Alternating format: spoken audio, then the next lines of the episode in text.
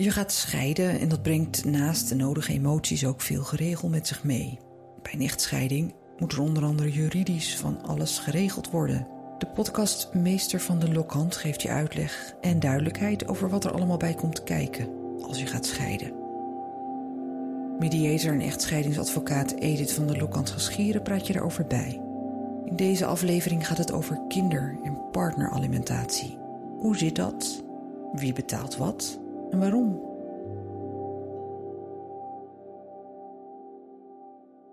Edith, waarom wil je het in deze aflevering over kinder- en partneralimentatie hebben? Het zijn uh, vaak de onderwerpen die als, ja, bijna als eerste wel aan de orde komen op het moment dat uh, mensen bij mij komen die willen gaan scheiden. Um, en dat kun je ook wel een beetje voorstellen. Van ja, uit elkaar gaan brengt natuurlijk heel veel stress met zich mee. Um, en met name vanwege de zorgen die mensen hebben over de financiën. Van hoe, hoe gaat het met de kinderen financieel gezien? Um, maar ook, ja, hoe komt mijn eigen financiële situatie eruit te zien? En dat is aan de ene kant uh, degene die um, alimentatie gaat ontvangen.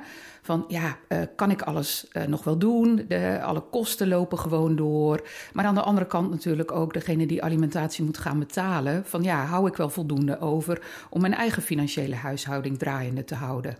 Je hebt het over de betaler van alimentatie en de ontvanger van alimentatie. Maar is dat direct duidelijk? Want wat mij wel duidelijk is geworden na beetje verdiepen in deze staf, is dat het best wel ingewikkelde materie is, die alimentatiethematiek. Ja, dat klopt. Ja, als uh, scheidingsadvocaat krijgen wij daar echt, uh, ja, volgen een stukje opleiding daarin. Om um, ja, alimentatie op een goede manier te kunnen berekenen. En als we eens beginnen om te kijken naar de kinderalimentatie, de bijdrage voor de kinderen. Waar moet je dan rekening mee houden? Dat is eigenlijk eerst met elkaar eens kijken van wat kosten de kinderen nu. Vaak is dat al voor mensen ingewikkeld. Van ja, ja je kan eens kijken van wat geef ik per maand aan ze uit. Um, maar gelukkig is daar uh, al wat meer informatie en ook wat gestroomlijnder informatie uh, over beschikbaar in Nederland. En dat zijn de zogenaamde NIBUD-normen.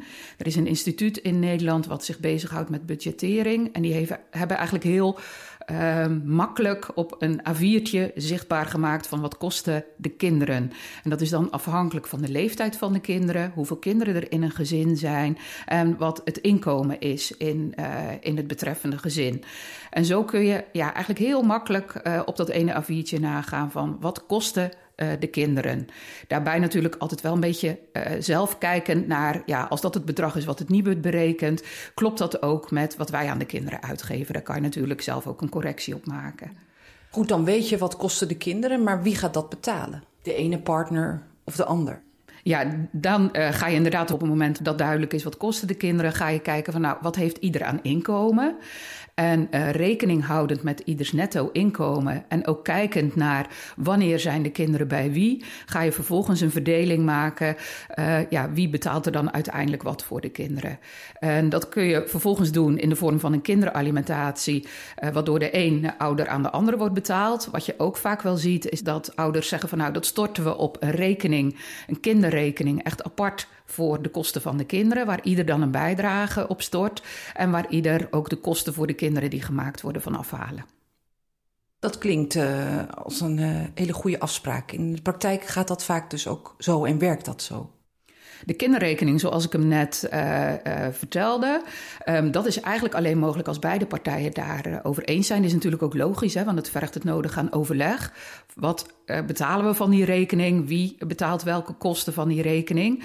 Op het moment dat je daar samen niet uitkomt, ja, dan is het alternatief een kinderalimentatie die dan door de rechter vastgesteld wordt. En dat is inderdaad dan de ene partij betaalt de kinderalimentatie aan de andere ouder. Dus het is niet zo dat uh, wanneer je het hebt bij een scheiding over de kosten voor de kinderen, dat daar altijd uh, door een van de partners kinderalimentatie betaald moet worden. Het kan ook zijn dat er zo'n kinderrekening is en dat je dat gewoon in goed overleg zo regelt. Ja, dat kan. Tegenwoordig zien we natuurlijk ook steeds meer de zogenaamde co-ouderschapsregelingen, waarbij de kinderen ja, 50-50 bij ieder van beide ouders zijn. In die situatie kun je je voorstellen dat het ook heel prettig is om de financiën op die manier samen te doen. En waarbij je dan wel rekening houdt met mogelijk verschillen in inkomens tussen vader en moeder doordat de bijdrage die ieder stort op die kinderrekening, die kan verschillend zijn.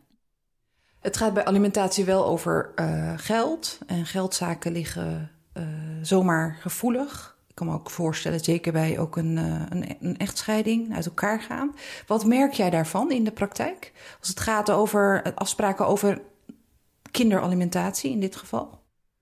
Financiën kunnen inderdaad gevoelig liggen. En dat is ook wel het bijzondere van mijn vak, vind ik eigenlijk. Dat uh, ja, mensen met hun hele hebben en houden, financiële hebben en houden ook, uh, ook bij mij komen. Aan de andere kant geeft het ook een stuk rust op het moment dat er duidelijkheid is op het financiële vlak. En als we kijken naar kinderalimentatie, vinden ouders het natuurlijk altijd heel belangrijk dat voor de kinderen er zo min mogelijk verandert. En dat is als we naar de financiën kijken, dat daar duidelijkheid is. En dat ook van tevoren bekend is van nou, wat kan ik besteden aan de kinderen? En ja, de volgende stap is om dat dan ook zo goed mogelijk te doen, zodat de gevolgen voor de kinderen uh, zo klein mogelijk zijn. Tot slot, even een, uh, als het gaat over de kinderalimentatie en uh, wie betaalt wat. Uh, neem het geval van een gemiddeld huishouden. man, vrouw, twee kinderen. De man verdient meer dan de vrouw en er moet alimentatie betaald worden. Wat is dan zeg maar het meest vanzelfsprekend dat de afspraak zal zijn? Ja, ik denk dat dat in eerste instantie ook afhangt van hoe is de zorgverdeling. Van wat ik net zei, als dat een 50-50 regeling is, dan is zo'n kinderrekening uh, is heel prettig. Ja, als dat uh, geen optie is, of uh, je hebt natuurlijk ook ouders die zeggen van nou, weet je, ik vind het gewoon prettig als één de kapitein is ten aanzien van de financiën. die koopt ook de kleren voor de kinderen, gaat met de kinderen naar de kapper en geeft ook de meeste kosten uit. Dan kan het een, een alimentatieregeling zijn, dus een bijdrage die de ene ouder iedere maand betaalt aan de andere ouder. En dat degene die uh, de alimentatie ontvangt, daar ook alle kosten van de kinderen voor betaalt. Wat je tenslotte ook nog wel ziet, um, je hebt niet alleen de kosten voor um, alle maandelijkse uitgaven, maar er zijn ook incidentele kosten. Kosten voor een fiets, een computer uh, of extra schoolkosten. Dat ouders daar vaak van zeggen van nou laten we kijken dat we die 50-50 of naar rato van ieders inkomen met elkaar verdelen. Gewoon als extra afspraak naast de kinderalimentatie. Um, nog een vrij feitelijke vraag. Um, tot hoe lang betaal je eigenlijk kinderalimentatie voor een kind? Kinderalimentatie loopt tot leeftijd 18, dan zijn de kinderen meerderjarig.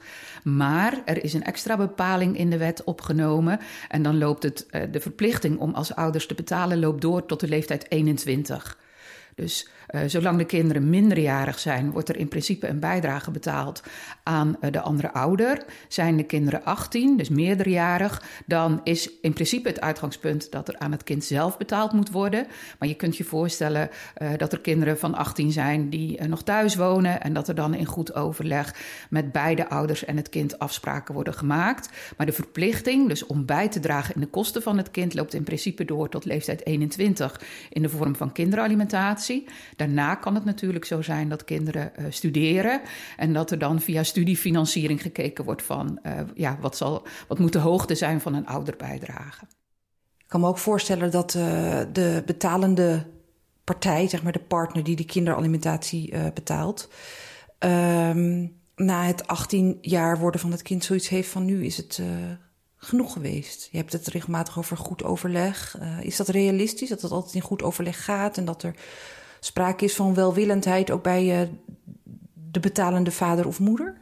Als het over de kinderen gaat, merk je dat ouders daar uh, zeker de bereidheid hebben om uh, ja, financieel te blijven ondersteunen, ook na een scheidingssituatie.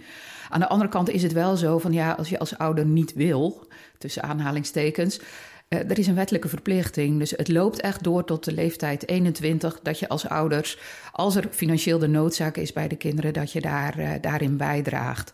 En um, het is ook zo, als er een alimentatieverplichting al ligt, dus bijvoorbeeld door de rechter opgelegd, dan, uh, en die is er bij leeftijd 18, dan blijft die doorlopen tot leeftijd 21. Dus dan verandert er eigenlijk niks.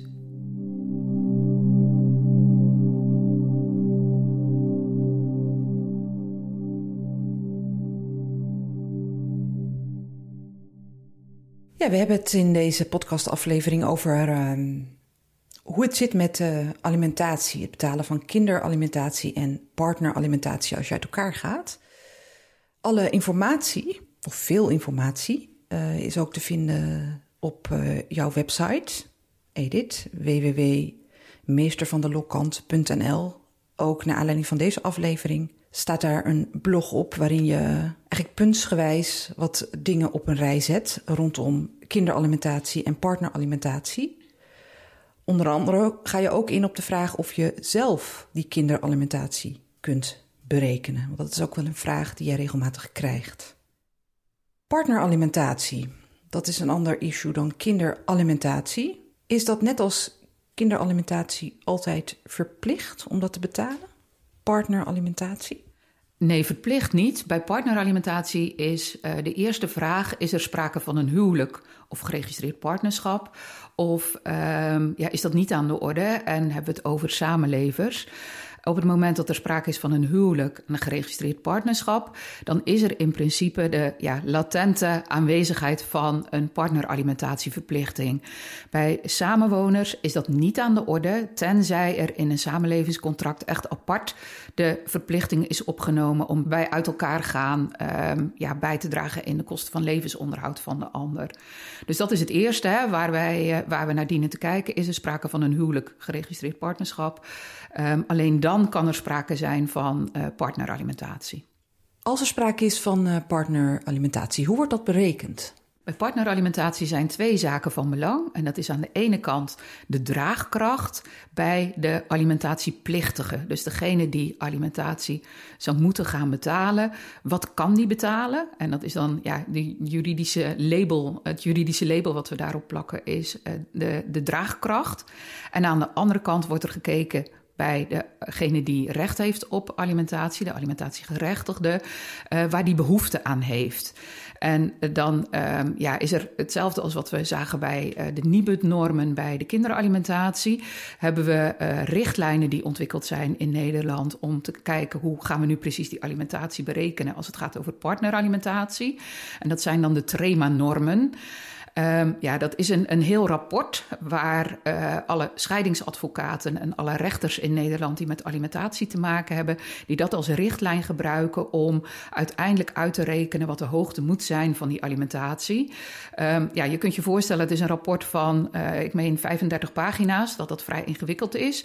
Maar als ik het heel kort samenvat, dan wordt er gekeken uh, bij de alimentatieplichtige, dus degene die alimentatie moet gaan betalen, wat is zijn bruto jaarinkomen? Dat rekenen we uit naar netto jaarinkomen. Delen we door 12, dan hebben we het netto maandinkomen. Vervolgens houden we rekening met alle kosten die de alimentatieplichtige voor zichzelf heeft. En dat is dan de kosten van levensonderhoud, eten, drinken. Daar wordt rekening mee gehouden. Er wordt gekeken naar de kosten van wonen, ongeveer een derde van je inkomen. En wat er dan overblijft, naar een bepaald percentage gerekend, is beschikbaar eerst voor de kinderen en vervolgens voor uh, partneralimentatie. Nou, dat klinkt al uh, vrij ingewikkeld en dat is ook wel een beetje de reden dat ik mensen toch adviseer dat op het moment dat partneralimentatie aan de orde is, om dat echt even te laten nakijken door een uh, deskundige. Ja, en dan krijg je een getal, een bedrag op papier en dat is het dan ook. Daar moet je het mee doen, als de rechter dat bepaalt. Als de rechter het bepaalt, dan is het inderdaad de beslissing waar je het ook mee moet doen. Um, in onderling overleg via mediation kun je natuurlijk wel met elkaar kijken van nou, dit komt eruit als we het volgens de berekeningen doen zoals die in Nederland gehanteerd worden. Uh, maar uh, ja, we zien dat zelf toch wat anders. Of uh, ja, we willen graag wat meer voor de kinderen doen en dan is er misschien wat minder ruimte voor partneralimentatie. Um, in mediation kan dat uiteraard met elkaar afgesproken worden. Op het moment dat een rechter een beslissing geeft, ja, dan is het inderdaad, daar moet je het dan mee doen. Um, nog een klein uh, weetje wat wel aardig is om, uh, ja, om ook echt in, uh, in het achterhoofd te houden op het moment dat partneralimentatie aan de orde is. Voor degene die het betaalt, is het fiscaal aftrekbaar. Voor degene die partneralimentatie ontvangt, die moet daar belasting over betalen. En dat is natuurlijk wel iets om in de gaten te houden. Want na een jaar komt echt de Belastingdienst incasseren. En um, ja, daar, daar moet je dan dus ook wel een reservering voor hebben gemaakt iedere maand. Ja, je had het al over mediation. Uh, jij bent ook uh, naast echtscheidingsadvocaat mediator. Dus dan uh, ga je met de partners in gesprek om er samen zonder tussenkomst van de rechter uit te komen. Zie je in dit geval dat er regelmatig gebruik wordt gemaakt van mediation door jouw cliënten? Ja, zeker, zeker. Um, en vaak is het ook wel van, nou, mensen komen dan van, ja, we zijn het over heel veel zaken zijn we het met elkaar eens. Daar hebben we ook al afspraken over gemaakt. Uh, alleen die alimentatie, dat vinden we een lastige. En dat is dan vaak vanuit twee uh, zaken. Eén, van ja, we hebben er eigenlijk geen, uh, geen verstand van. En twee, het ligt ook wel gevoelig. En dat is natuurlijk ook logisch. Want ja, op het moment dat je de ontvangende partij bent, dan ben je blij met elke euro. Op het moment dat je moet betalen, ja, je kan je euro's maar één keer uitgeven. Dus in die zin um, ja, is het vaak ook een onderwerp wat uh, voor mij als mediator um, uh, zeker langskomt. En waar ik ook toegevoegde waarde in kan, uh, kan hebben. Vanwege het feit dat ik een aantal onduidelijkheden kan wegnemen. En gewoon ook eens goed doorrekenen met elkaar van ja, wat betekent het dan voor ieder van beiden, deze financiële verplichting? Wat betekent het voor degene die de bijdrage ontvangt? Hoe komt jouw financiële plaatje eruit te zien? En wat betekent het voor degene die moet gaan betalen? Ja, wat betekent betekent het, uh, wat betekent het voor jou, deze verplichting? Ja, want uh, het betalen van uh, partneralimentatie ligt, is jouw ervaring toch wel gevoeliger dan het betalen van kinderalimentatie? Zeker, ja, voor de kinderen, um, ja, dat begrijpt iedereen ook uh, uiteraard. Van ja, die kunnen nog niet voor zichzelf zorgen financieel. En bij partneralimentatie ligt dat, ligt dat soms wat ingewikkelder. Um, ja, soms is er bij een van beiden een achterstand op de arbeidsmarkt vanwege de zorg voor de kinderen, wat mogelijk een bewuste keuze in het huwelijk is geweest. En dan is het uiteraard prettig dat er een aantal jaren nog een, uh, een financiële ondersteuning is uh, voor uh, de minst verdienende partner. Weer even als voorbeeld, hè, ehm, dat we ook gebruikten bij kinderalimentatie. neem een gezin, man verdient, vrouw verdient, twee kinderen is het dan vaak zo dat uh, de eh, man alimentatie betaalt aan de vrouw, ook nog steeds anno nu? Dat is wel, als ik kijk naar de zaken zoals ik die uh, langs zie komen, om het oneerbiedig te zeggen, ja, is, is dat wel de praktijk dat het vaak toch ja, vrouwen nog steeds zijn die wat minder werken op het moment dat er kinderen zijn. Um, of die gewoon ook nog wat minder verdienen. En van daaruit is het inderdaad zo dat um, ja, als je naar percentages gaat kijken, dat uh, de mannen nog steeds meer degene zijn die, uh, die partneralimentatie betalen. Ja, dat is nog steeds zo. En in relaties, wat ook steeds meer voorkomt tussen mannen en mannen en vrouwen en vrouwen? Ja, we spreken nu eigenlijk steeds heel standaard hè, van dat we zeggen uh, vader, moeder, uh, man, vrouw, man, betalende partij. Maar in mijn praktijk zie ik dat natuurlijk ook wel anders. Um, er zijn uiteraard ook gezinnen met uh, twee vaders of met twee moeders. En als ik er zo eens over nadenk, ja, dan um, zijn die. Um, die gezinssituaties, daar zie je vaak dat de inkomens wat, uh, wat gelijker lopen. En dat de zorg vaak ook wat, uh, wat gelijker verdeeld is. Waardoor het ook uh, wat minder voorkomt. Tenminste, ja, of mijn praktijk moet een uitzondering zijn. Maar wat ik zie is um, ja, dat partneralimentatie dan soms wat minder aan de orde is. Um, ja, gewoon omdat het qua, qua financiën en qua zorg al wat, wat gelijker verdeeld is. Hoe lang betaal je partneralimentatie? Er is onlangs een wijziging in geweest per 1 januari um, 2020. Het was altijd zo dat er 12 jaar lang partneralimentatie in principe, als er draagkracht is en als er behoefte is, uh, betaald moet worden. En nu is er een nieuwe regeling en die is eigenlijk best wel ingewikkeld. Um, als ik hem heel kort door de bocht zeg, dan is het de duur is gelijk aan de helft van de duur van het huwelijk met een maximum van vijf jaar. En er zijn uitzonderingen in. Op het moment dat je kinderen hebt die nog geen twaalf zijn, dan loopt de duur in principe door totdat het jongste kind twaalf is. En er zijn uitzonderingen op het moment dat iemand richting pensioengerechtigde leeftijd gaat, waarbij dan de maximumduur rond de 10 jaar zit. Nou, dat zijn ehm, wat ingewikkeldere regelingen die echt specifiek bekeken moeten worden. Maar komt het er eigenlijk op neer dat hoe langer getrouwd of uh, bij elkaar zijn door een samenlevingscontract, hoe langer je alimentatie moet betalen, partneralimentatie moet betalen? Ja, dat klopt. Alleen dan is er sinds 1 januari van dit jaar dus uh, het maximum van uh, vijf jaar. Terwijl we daarvoor spraken over twaalf jaar. Dus dat is echt wel een, uh, ja, een beperking in, in tijd. Nou, hoe dan ook kun je de informatie ook hierover vinden op een blog naar aanleiding van deze aflevering te vinden op jouw website. Um, op die website zijn ook linkjes te vinden naar de andere afleveringen die we al maakten voor deze podcast Meester van de Lokhand. Edith, bedankt. Graag gedaan.